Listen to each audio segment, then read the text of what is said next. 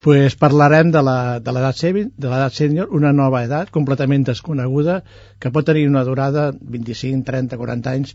Es parla com a mínim d'un terç de la vida d'una persona i les persones que entren en aquesta edat es poden considerar privilegiades, o sigui, tenen la llibertat d'expressar-se i dir el que li sembla ells, no tenen l'obligació de dir sí senyor, o sigui, poden, tenen, comencen a viure en llibertat, comencen, jo diria dir, comencen a ser humans.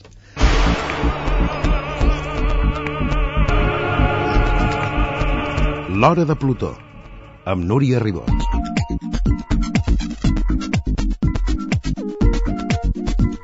Les persones més grans de 65 anys avui són el 16% de la població. Cap al 2050 representaran un terç de la ciutadania. L'envelliment de la població, resultat de l'augment de l'esperança de vida, és un fenomen completament nou, no en tenim cap referent històric. Planteja tota mena de reptes i provocarà canvis, començant pel concepte que tenim de la franja de població a la qual ens referim generalment com a gent gran. Avui volem parlar de tot aquest procés amb Josep Aracil, president del Consell Sènior de Premià de Mar i de l'Associació Eurosènior. Bona tarda, senyora Bona Sil. tarda. Què tal? Molt bé. D'entrada, clar, quan, quan tens una persona gran al davant, eh, et surt de parlar-li de vostès. Vostès, quan senten que els hi parlen de tu, els molesten? No, al molesta? contrari, al contrari, ens sembla que estem al segle XXI. És que avui dia és una mica impensable que puguis parlar de vostè. Se fa estar una mica difícil, no? I a més a més hi ha una cosa que és molt curiosa, que quan arribes a una certa edat, que sembla que vostè alguna vegada suposa el reconeixement d'una autoritat per part de l'altra persona, i l'arribar a una certa edat iguala molt. O sigui, tots estem més propers de la mort, que seria la igualtat final. Doncs bé, Per tant, vull dir, no... no. aquesta conversa serà de tu a tu, així mateix. Molt bé. Vostè ha parlat... Vostè, mira, fixa't el que em surt, eh? Aquest, la, clar, mires la persona i et surt de parlar de vostè.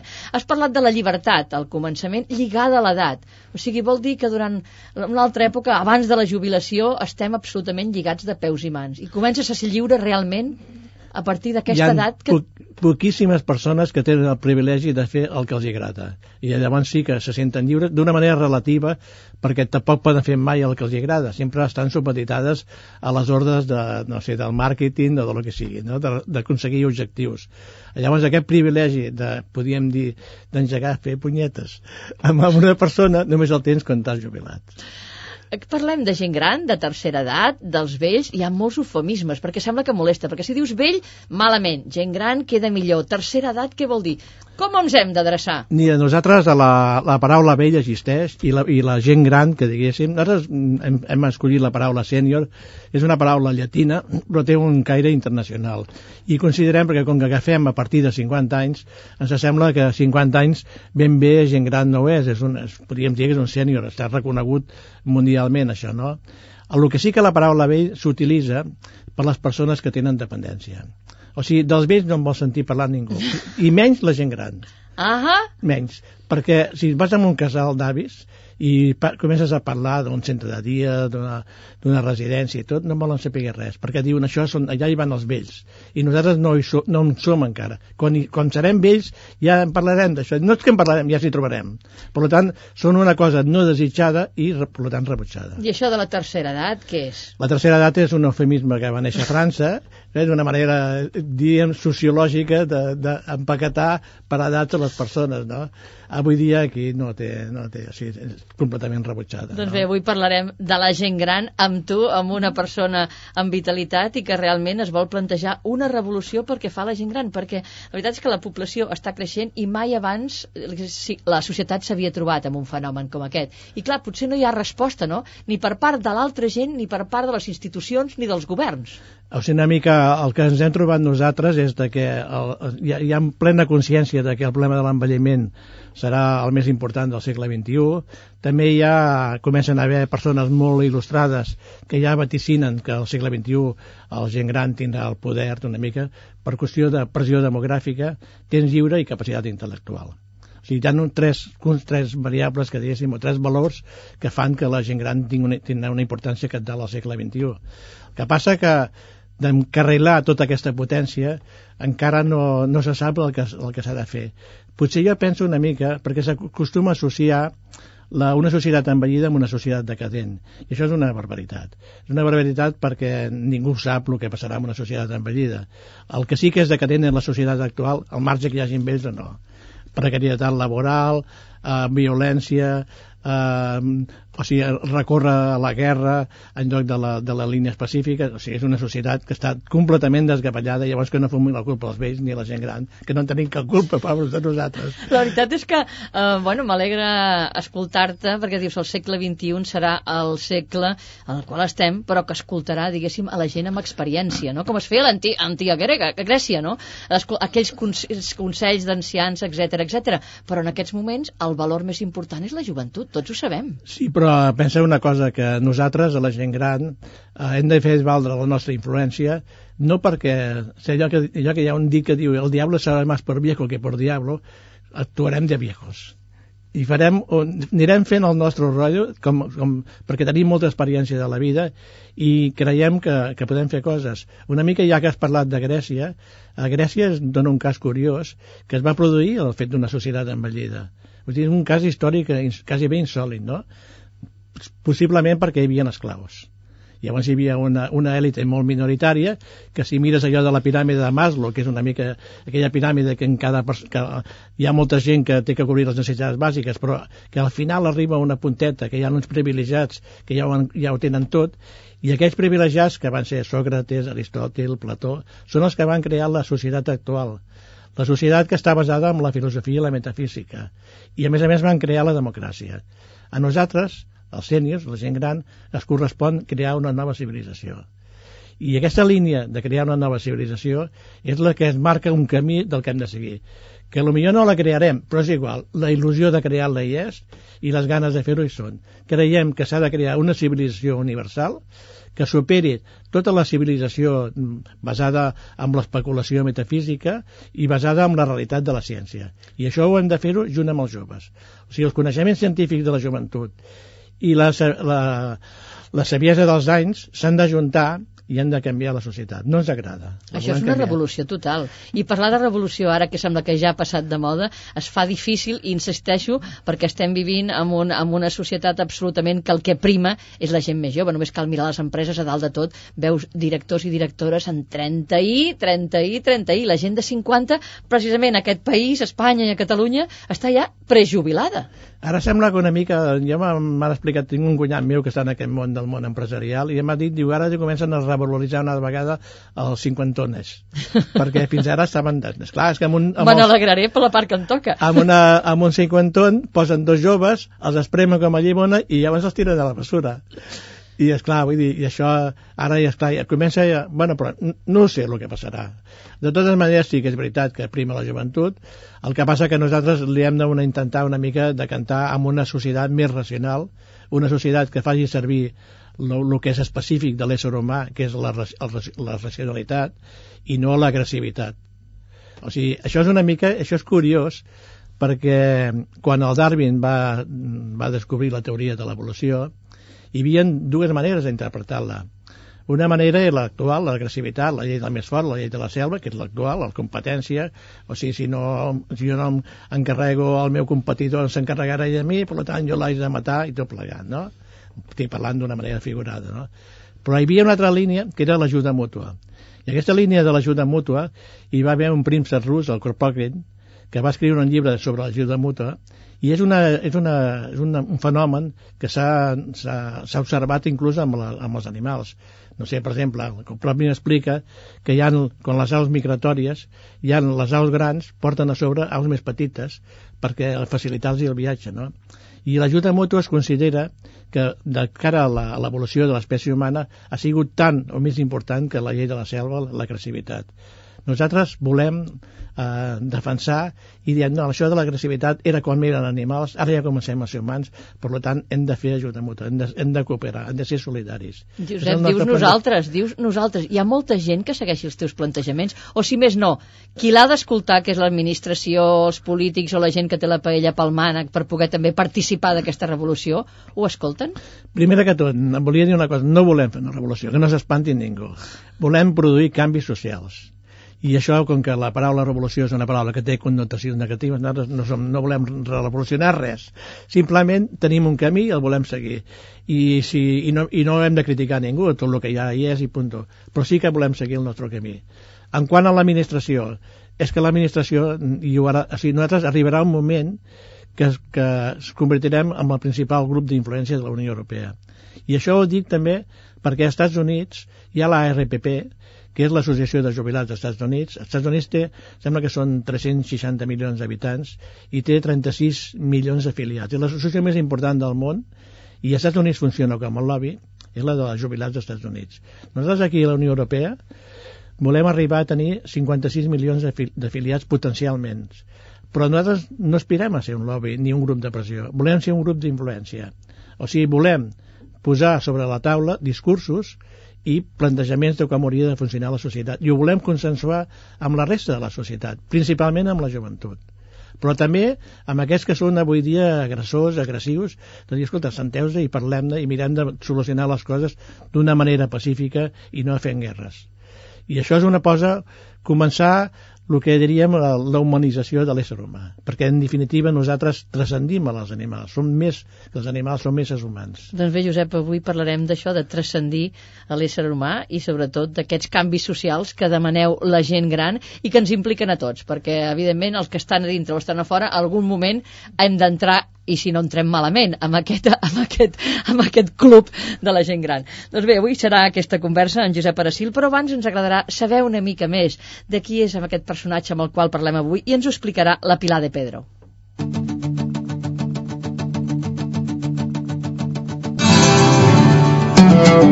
Josep Aracil és la prova que això que diuen que amb l'edat la gent es torna conservadora no és veritat. El nostre convidat s'ha proposat que la franja de població que habitualment anomenen gent gran surti de l'armari i prengui la iniciativa per canviar les coses i fer un món millor. És a dir, que vol que la gent gran sigui la punta de llança d'una revolució social i vol aconseguir-ho a través dels consells sèniors. El caràcter combatiu li ve de lluny. Josep Aracil té 70 anys, dos fills, sis nets i ha viscut la major part de la seva vida a Premià de Mar. Quan tenia 14 anys va començar a treballar com a ajustador mecànic i després com a matricer, però als 18 anys va passar-ne dos de baixa laboral amb el mal de pot. Quan es va recuperar va continuar treballant i estudiant i va acabar sent enginyer de projectes a la Pegaso fins que es va prejubilar als 54 anys i va tenir un infart. Diu que això li va mostrar que a les persones ens cal un cert grau d'estrès per viure, independentment de l'edat que tinguem. Al marge de la seva trajectòria professional, el nostre convidat ha participat en política i diferents moviments socials.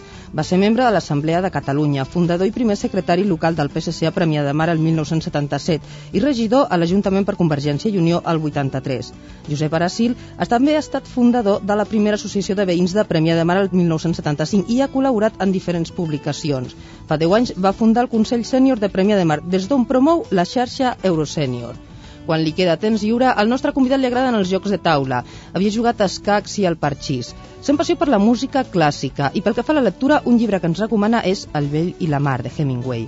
Potser és l'idealisme dels aquari, que és el seu signe del zodíac, però Josep Aracil diu que el que li agrada per damunt de tot és la participació social, intentar canviar el món, i avui ha vingut a explicar-nos com es pot fer això des d'un Consell Sènior. Josep Aracil, et vas jubilar als 54 anys, en plena joventut, aleshores, en plena joventut. Prejubilat, sí. Prejubilat. Què passa quan t'arriba aquest moment que dius, mm, et separen, t'aparquen? Hi ha una cosa molt curiosa que no comences a pensar que estàs jubilat fins la, el la primera hora que t'han jubilat. L'hora abans ningú hi pensa. És curiós, eh, de dir, no saps, com que en general no saps ni el que cobraràs, ni què faràs, ni deixaràs de fer, no? Perquè, com que l'envelliment és una etapa no desi- desitjada, llavors la gent no hi pensa, bueno, ja, com hi arribi ja m'hi trobaré, no? I això, si, si jo m'agradaria que es fes una enquesta a les persones que es prejubilen, perquè en definitiva la prejubilació és una jubilació forçosa, no tenen la, diuen que és voluntària, però tot això sap, tothom ho sap que és mentida, no? I llavors el, la gent no hi pensa, bueno, ja veurem el que farem, no? El que passa que jo, com que havia tingut moltes inquietuds socials i tot, eh, va ser curiós perquè jo em, em, em vaig voler tornar a dedicar a jugar escacs, que havia sigut mm, havia jugat i volia tornar a jugar en tornejos internacionals i coses d'aquestes així. Però llavors me'n vaig donar compte un moment que potser ja havia perdut el tren. Perquè vaig estar quan em vaig deixar de jugar escacs quan em vaig casar i després al cap de posem 30 anys tornar a jugar ja no tenies l'agilitat de, de, o sigui, acostava molt de jugar i llavors tenia, i el vaig deixar ara t'explicaré la veritat, no sabia perdre com perdia em posava de mala lluna mira, això potser no ho haguessis dit quan eres jove allò que dius, la llibertat de que quan tens una edat ets capaç de dir-ho tot com I, reconeix això? sí, sí, llavors jo, jo, jo patia dic, jo jugo i aquest, jo sé, jo sé que en sé més que aquest i en guanya i llavors no, i van dir, saps què, no, no va per mi això. I ho portaves ja, malament. Sí, sí, m'ho agafava molt malament. I llavors va ser quan, quan bueno, abans vaig començar una mica a, a introduir-me en temes de, a través de Convergència, que tenia un consell de la gent gran, vaig començar a veure, i, i va haver un moment, perquè això és curiós, però això que diuen de l'encesa de moment existeix.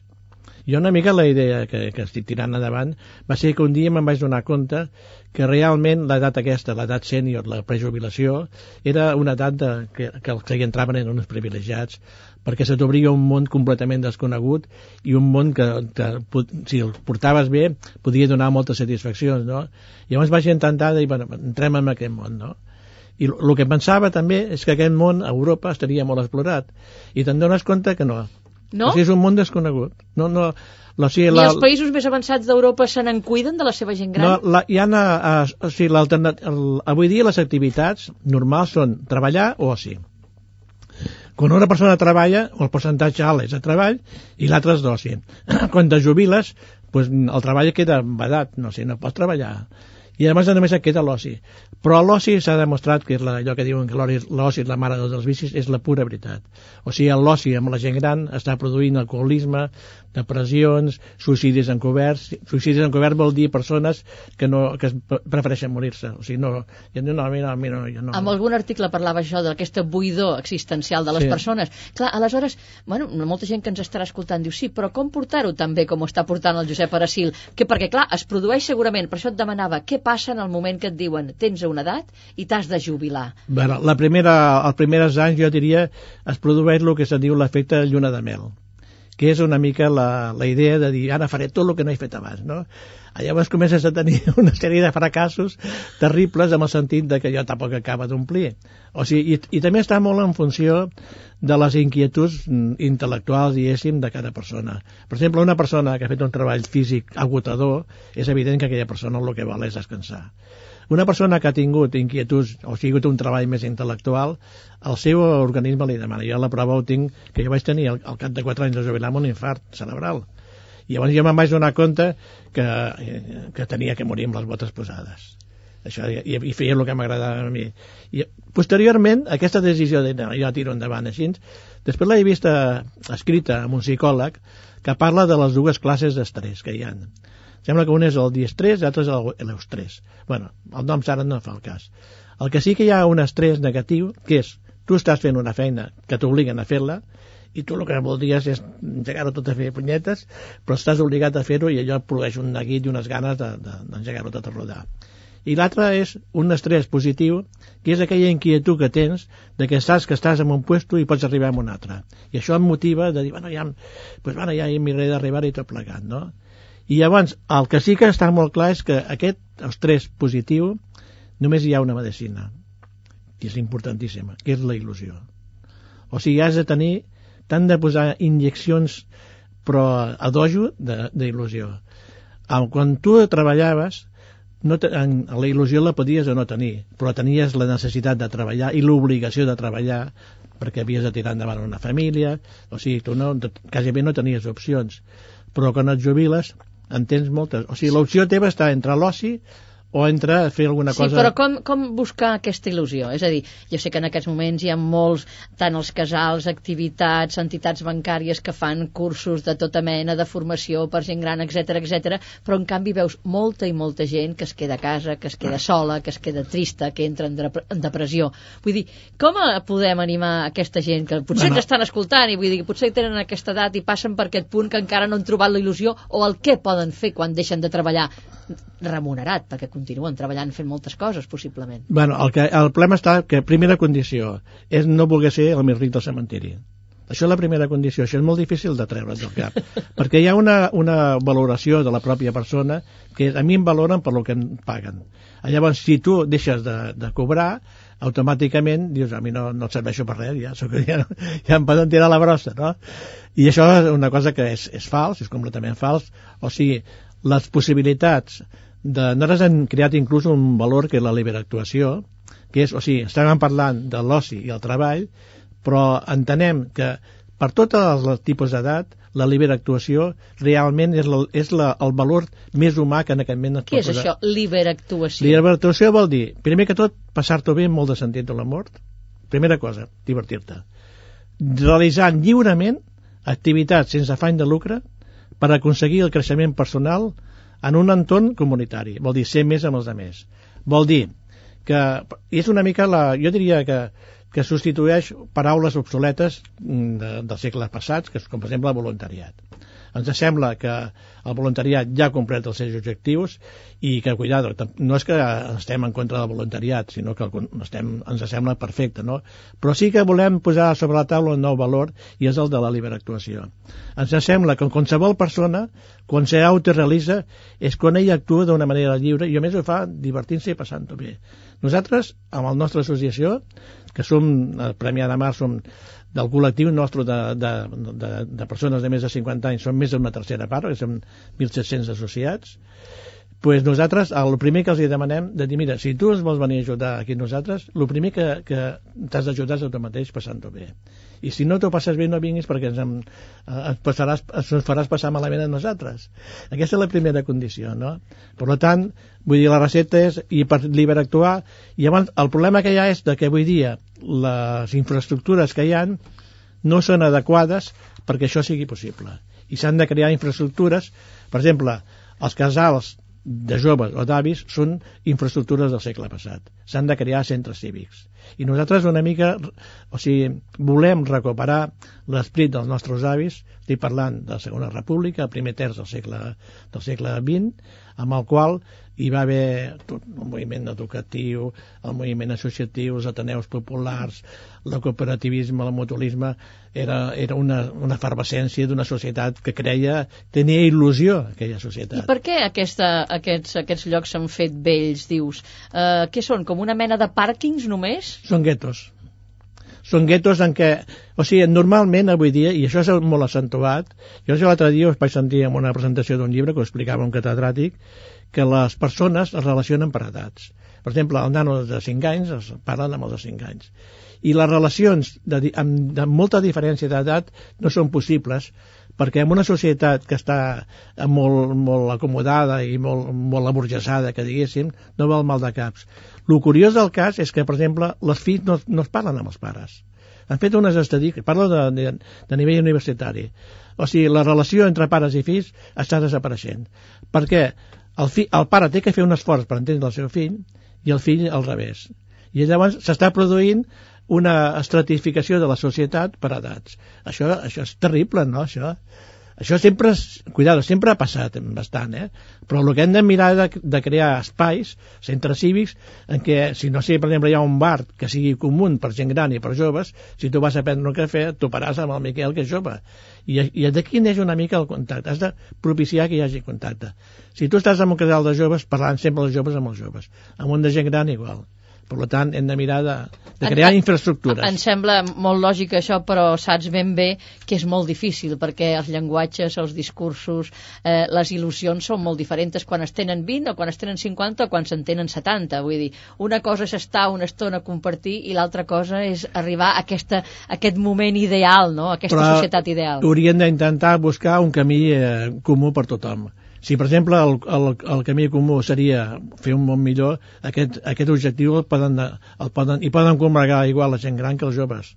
Busquem una, una cosa que, que ens il·lusioni, que ens entusiasmi tots. Busquem un punt comú de música. A veure si aquesta música clàssica que t'agrada a tu, Josep, els agrada també als nostres oients de totes les edats. Has escollit d'Igor Stravinsky el ballet Petrushka.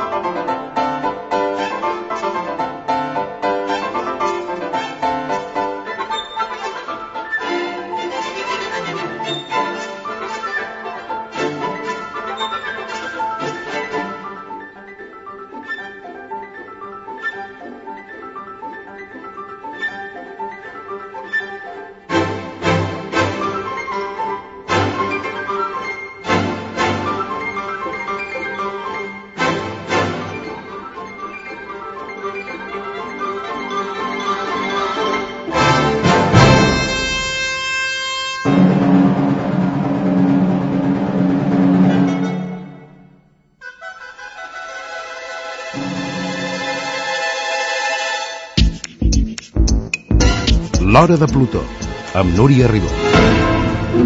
I avui estem parlant amb Josep Aracil i parlem de la gent gran, dels sèniors. Després d'escoltar aquesta música, jo em preguntaria, per exemple, el Rollings, un altre tipus de música, t'agrada a tu? Escoltes a casa una altra música? O bàsicament la música clàssica t'ha agradat sempre a la teva vida? Bueno, el que passa, i a mi, a mi m'agrada el jazz, també. Uh -huh. Però saps què em passa? Que jo el jazz no puc treballar i escoltar el jazz. Uh Mhm. -huh. Em posa nerviós. Llavors jo normalment quan estic a l'ordinador poso música clàssica perquè em permet treballar. I un altre tipus de música no, no, no, no em va bé. També hi ha alguna música de melodies així moderna també però una música que exciti massa no, no puc Clar, perquè hi hauria molta gent que dius, veus, aquesta és una de les diferències. A mi em pot agradar la música clàssica, però clar, mm, tot de música clàssica. I ara he, dit els Rollings. Els Rollings precisament són ja jubilats. Pràcticament per l'edat Sí. haurien d'estar jubilats, no? Sí. I en canvi estan a primera línia. Tenim un munt d'actors. Eh, el Sean Connery, ells... Bueno, hi ha molts grups d'aquesta mena, amb 60 i, 60 i, al nostre país, que estan bé. Però ves, estic parlant d'homes quasi sempre, et fixes? L'edat per una dona gran jo crec que compta de forma diferent. Bueno, és que ara expliquen una cosa. La jubilació és masculina. Això que quedi claríssim. O sigui, quan parlem de jubilació estem parlant del, del, dels homes, perquè les dones no jubilen mai. I, i aquest mateix psicòleg que t'ha explicat de les tres parla, ella alega que el motiu de que les dones visqueu 6 o 7 anys més que els homes és perquè sempre teniu coses a fer. Diu, com que sempre tenen coses a fer, tenen il·lusió. O sigui, no és que no tinguin il·lusió, estan obligades a fer coses, no? I això fa que visquin més. Jo no sé, hi ha qui diu que quan la dona s'iguala a l'home, les edats de, de, de l'esperança de vida també s'igualarà. No sé, jo ara ja no m'hi vull posar amb aquestes coses, no? És possible que aquesta sigui la Però part lo que- positiva, però el reconeixement amb l'edat no es té amb la dona. No. És a dir, les dones, ara posant d'actrius, actrius, en el panorama d'actrius, a veure, busquem dones que tinguin 60-65 anys, a veure si n'hi ha gaires, i d'homes d'aquesta edat n'està ple. No sé, però, però cuidado, la, la, tot el moviment que estem intentant fer nosaltres, el lideratge acabarà sent femení. O sigui, el problema de les dones, en aquest, estic parlant de dones grans d'ara, no? El problema de les dones és que volen i no saben, i els homes saben i no volen. O sigui, la dona avui dia de, que arriba amb una, de, de gent gran o de sènior és una dona que ens podria dir que no té un nivell cultural, un bagatge cultural baix. Ha passat una guerra civil, ho ha passat malament, aquesta és la veritat, no? I jo moltes vegades, jo dic que, per exemple, que un projecte com el nostre acabarà, la lideratge serà una dama eh, il·lustrada sènior.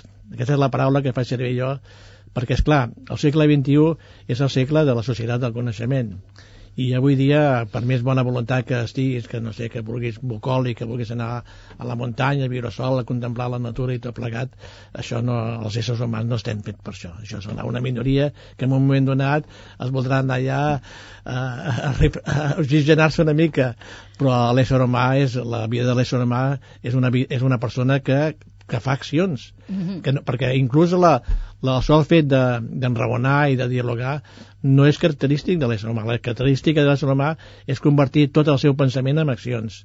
I una mica ja, em sembla que la religió ja diu que pels seus fruits els coneixerem, no? O sigui, avui dia les persones que només enraonen ja sabem tothom el que són, no? Acostumen, ara dirien que són polítics. Abans m'ha sorprès, deies que a Europa no hi ha encara aquesta inquietud que s'està posant en marxa, aquest Eurosènior, aquest projecte, diguéssim, aquest projecte que sortia de, de Premià de Mar.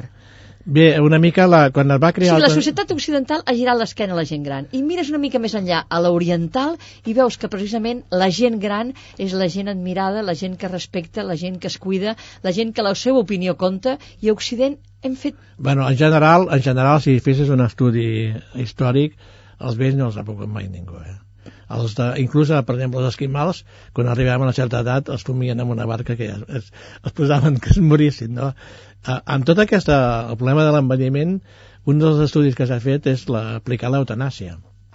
Però l'eutanàsia des d'una perspectiva econòmica. O sigui, eh, estem amb, una, amb la llei del mercat, i la llei de mercat fa un estudi, i em sembla que s'ha fet uns estudis als Estats Units i Holanda, de dir, bueno, ja, com una persona arriba a una certa edat que ja no és productiva, pensem en suprimir-la, no? I es va fer una pel·lícula que, que els feien, els convertien en pastilles i els, llavors amb allò alimentaven a, les, a la humanitat. No sé si te'n recordes Quina ciència-ficció, no, no. no. que, que, que hi havia un que dels que morien li toquen una peça de música de les quatre estacions i ella es mou d'una manera plàcida i llavors el, el, figura que llavors tot el trossegen i el van fent el, converteixen en, en pastilles per, per, per alimentar no? però el problema de la tonàcia amb l'envelliment econòmicament no és rentable perquè l'envelliment genera llocs de treball. O sigui, els cuidadors, eh, les residències, centres de dia, serveis sociosanitaris, eh, per exemple, avui dia la, el negoci del segle XXI serà tota la qüestió del de el món de les finances, esquilmar tota la propietat privada de la gent gran. La gent gran avui dia es Amb les famoses hipoteques inverses? Inverses, eh, rentes vitalícies, o sigui, el sistema, tot el sistema de la llei de dependència és una manera d'afavorir totes les grans empreses de, que, que realment en tenen, no? Ets crític amb la llei de dependència? Completament. Per què? Per és pura demagògia.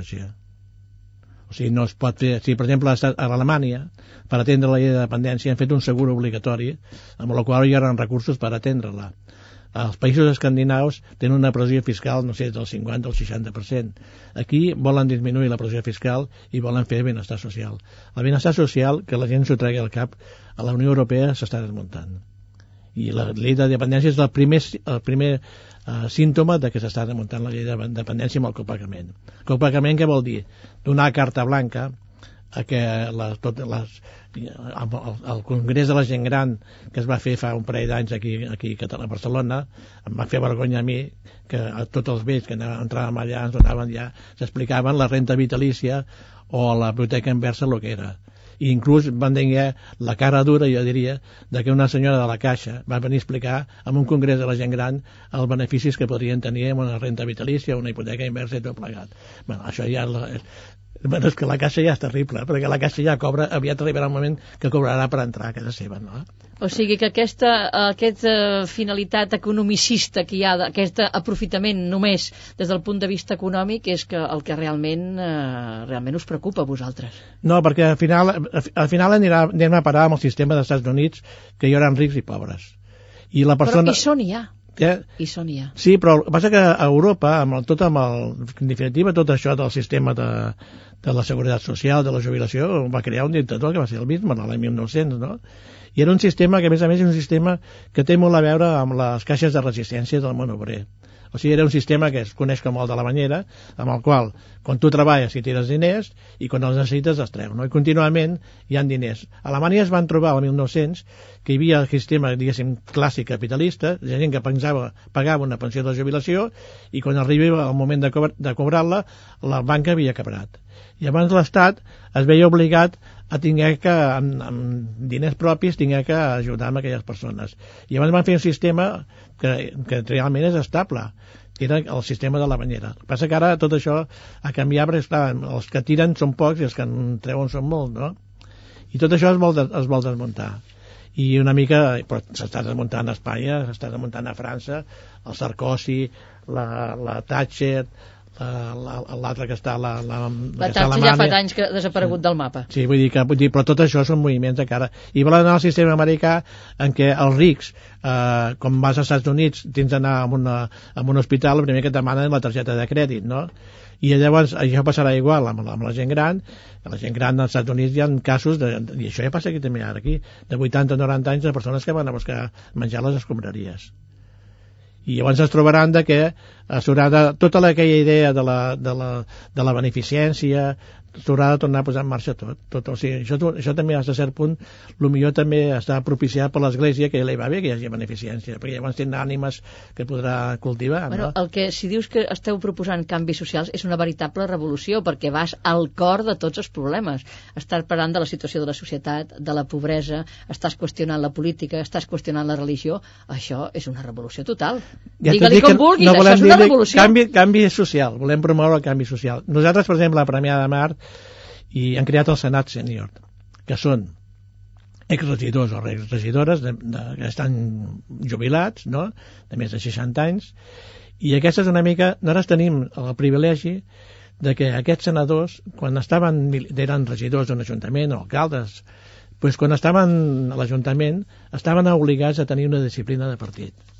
I això suposava una contaminació, amb el sentit de que no podien expressar el que ells creien sinó que havien de seguir les, les línies que el partit li marcava, no?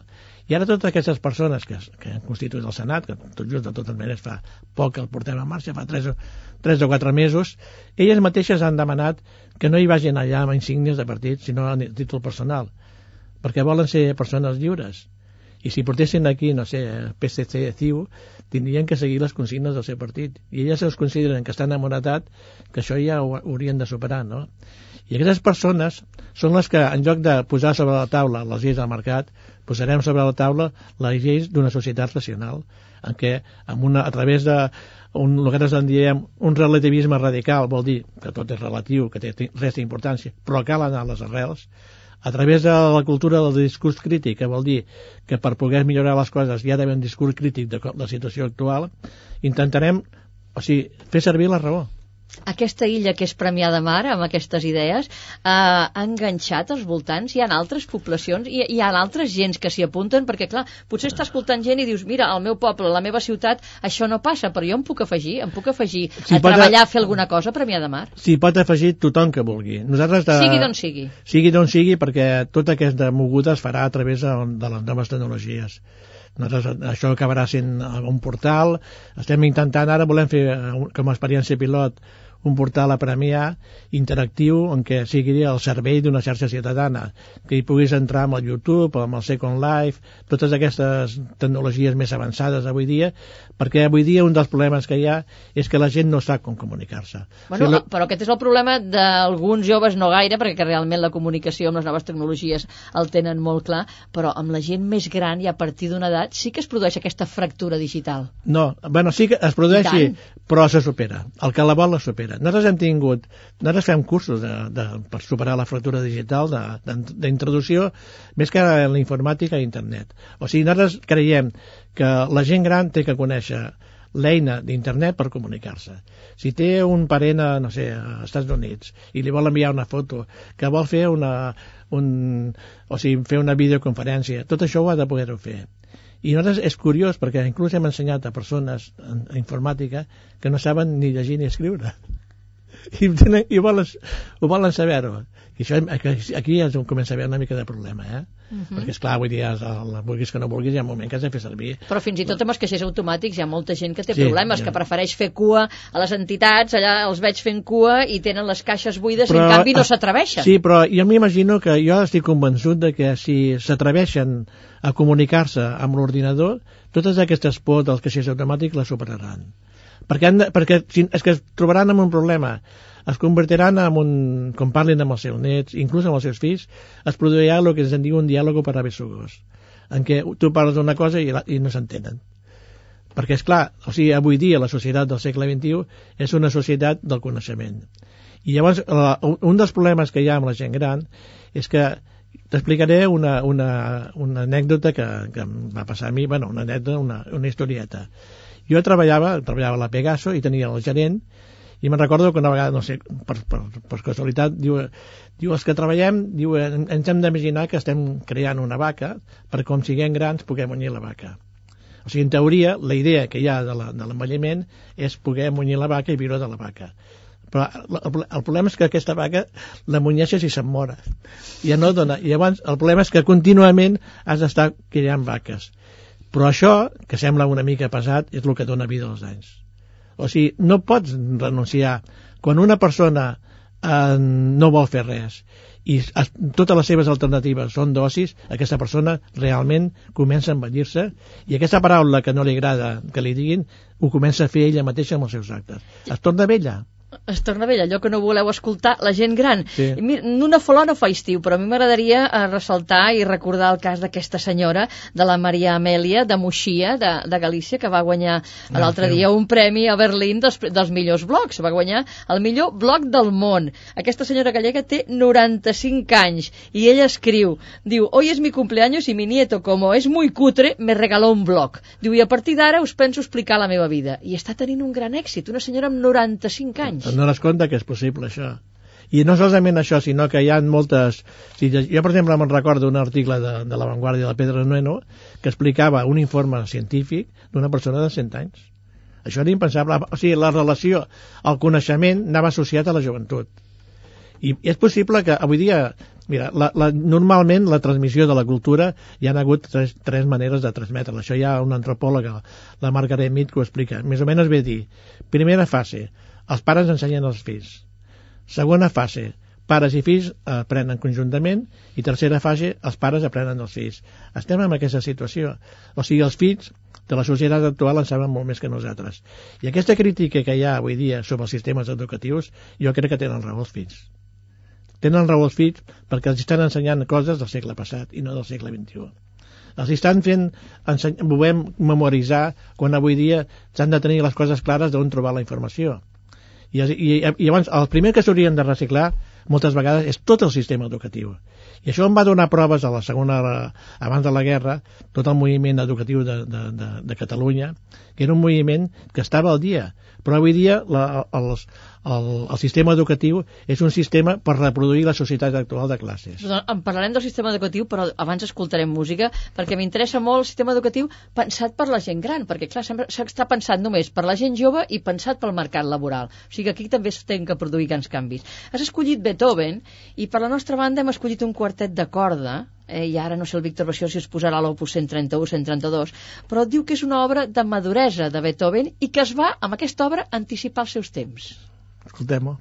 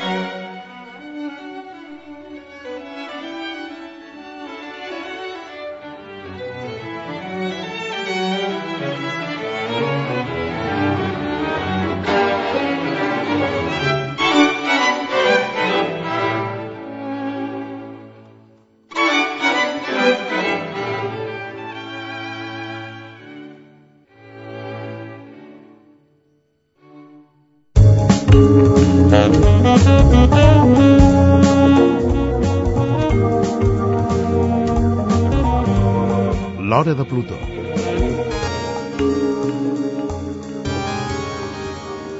I arribem a l'última part del programa, avui en conversa amb Josep Aracil, president del Consell Sènior de Premià de Mar i de l'associació Eurosènior. Tinc aquí un fulletó que abans m'has donat, Josep, que és del Consell Sènior de, Prima, de Premià, i, i obrint-lo diu Sènior, motxilla plena, generositat, joventut, motxilla buida, ardor. Clar, i trobar aquest punt de connexió és el que preteneu i sí.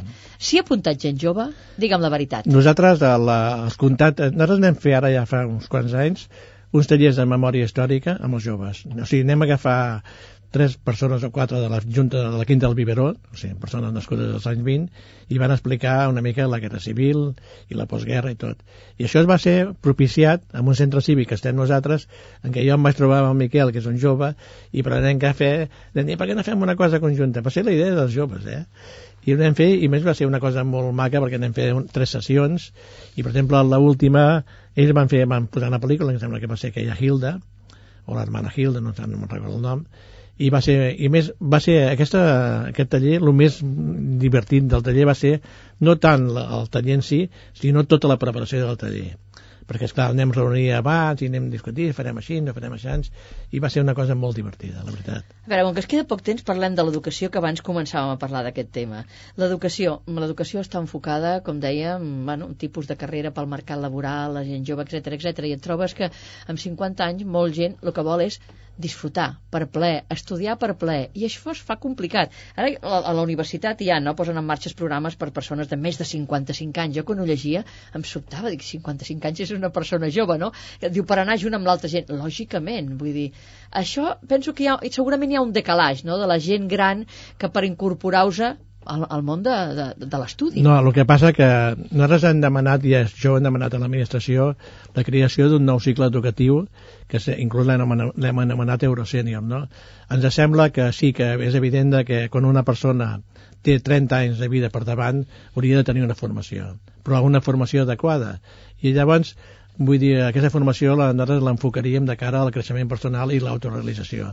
En aquest aspecte, continuem dient que podríem ser uns privilegiats, perquè avui dia tots els coneixements de la física quàntica que relacionen les qüestions materials amb les emocionals, o sigui, una mica la part mm, del cos amb la part espiritual i, i per exemple, parlar d'autocuració i coses d'aquestes, una persona que treballa no es pot perdre el temps en tonteries d'aquestes, diríem, no? Però, en canvi, això és una, és una realitat que els científics ho comencen a posar sobre la taula. I llavors, nosaltres, per exemple, creiem que si es fa un tractament de, de les emocions i un coneixement d'un mateix, podem arribar a, a, a veure la, la vida d'una manera positiva. I això creiem és la manera d'entendre-ho. Si a més a més d'això hi ha alguna persona que llavors vol entrar en una cosa més, més normal de, la, de el que estudien els joves, és una opció seva. Sí, a veure, una cosa, perquè ens queda ja molt poc, estem al minut final pràcticament. Tu has demanat que la gent gran surti de l'armari. A veure, aprofita i digue'ls a la gent gran que ens escolti què vol dir això de sortir de l'armari, què han de fer?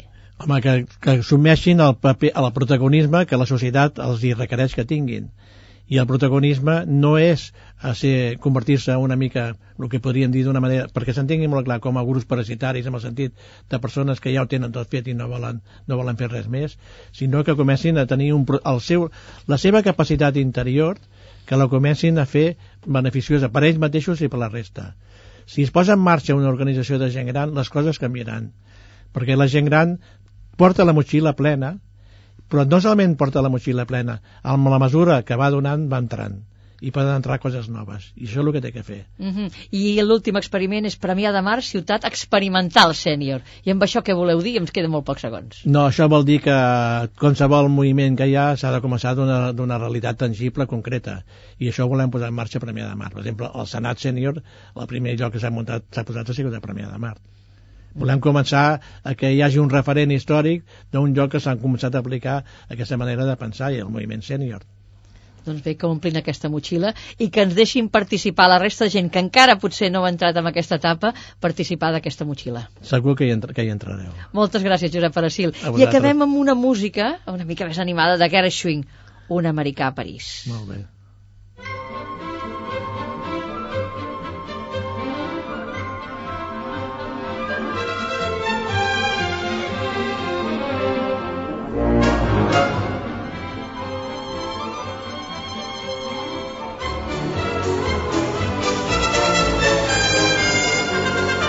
Hem de deixar l'americà a París. Josep Aracil, moltes gràcies, ha estat un plaer aquesta conversa. Eh, moltes gràcies a tots els oients, moltes gràcies en nom de tot l'equip, de la Pilar de Pedro en els guions, de la Dolors Jonola a la producció i del Víctor Gació a les vies de so. Qualsevol comentari o suggerència tenim un correu electrònic plutó arroba catradio.cat.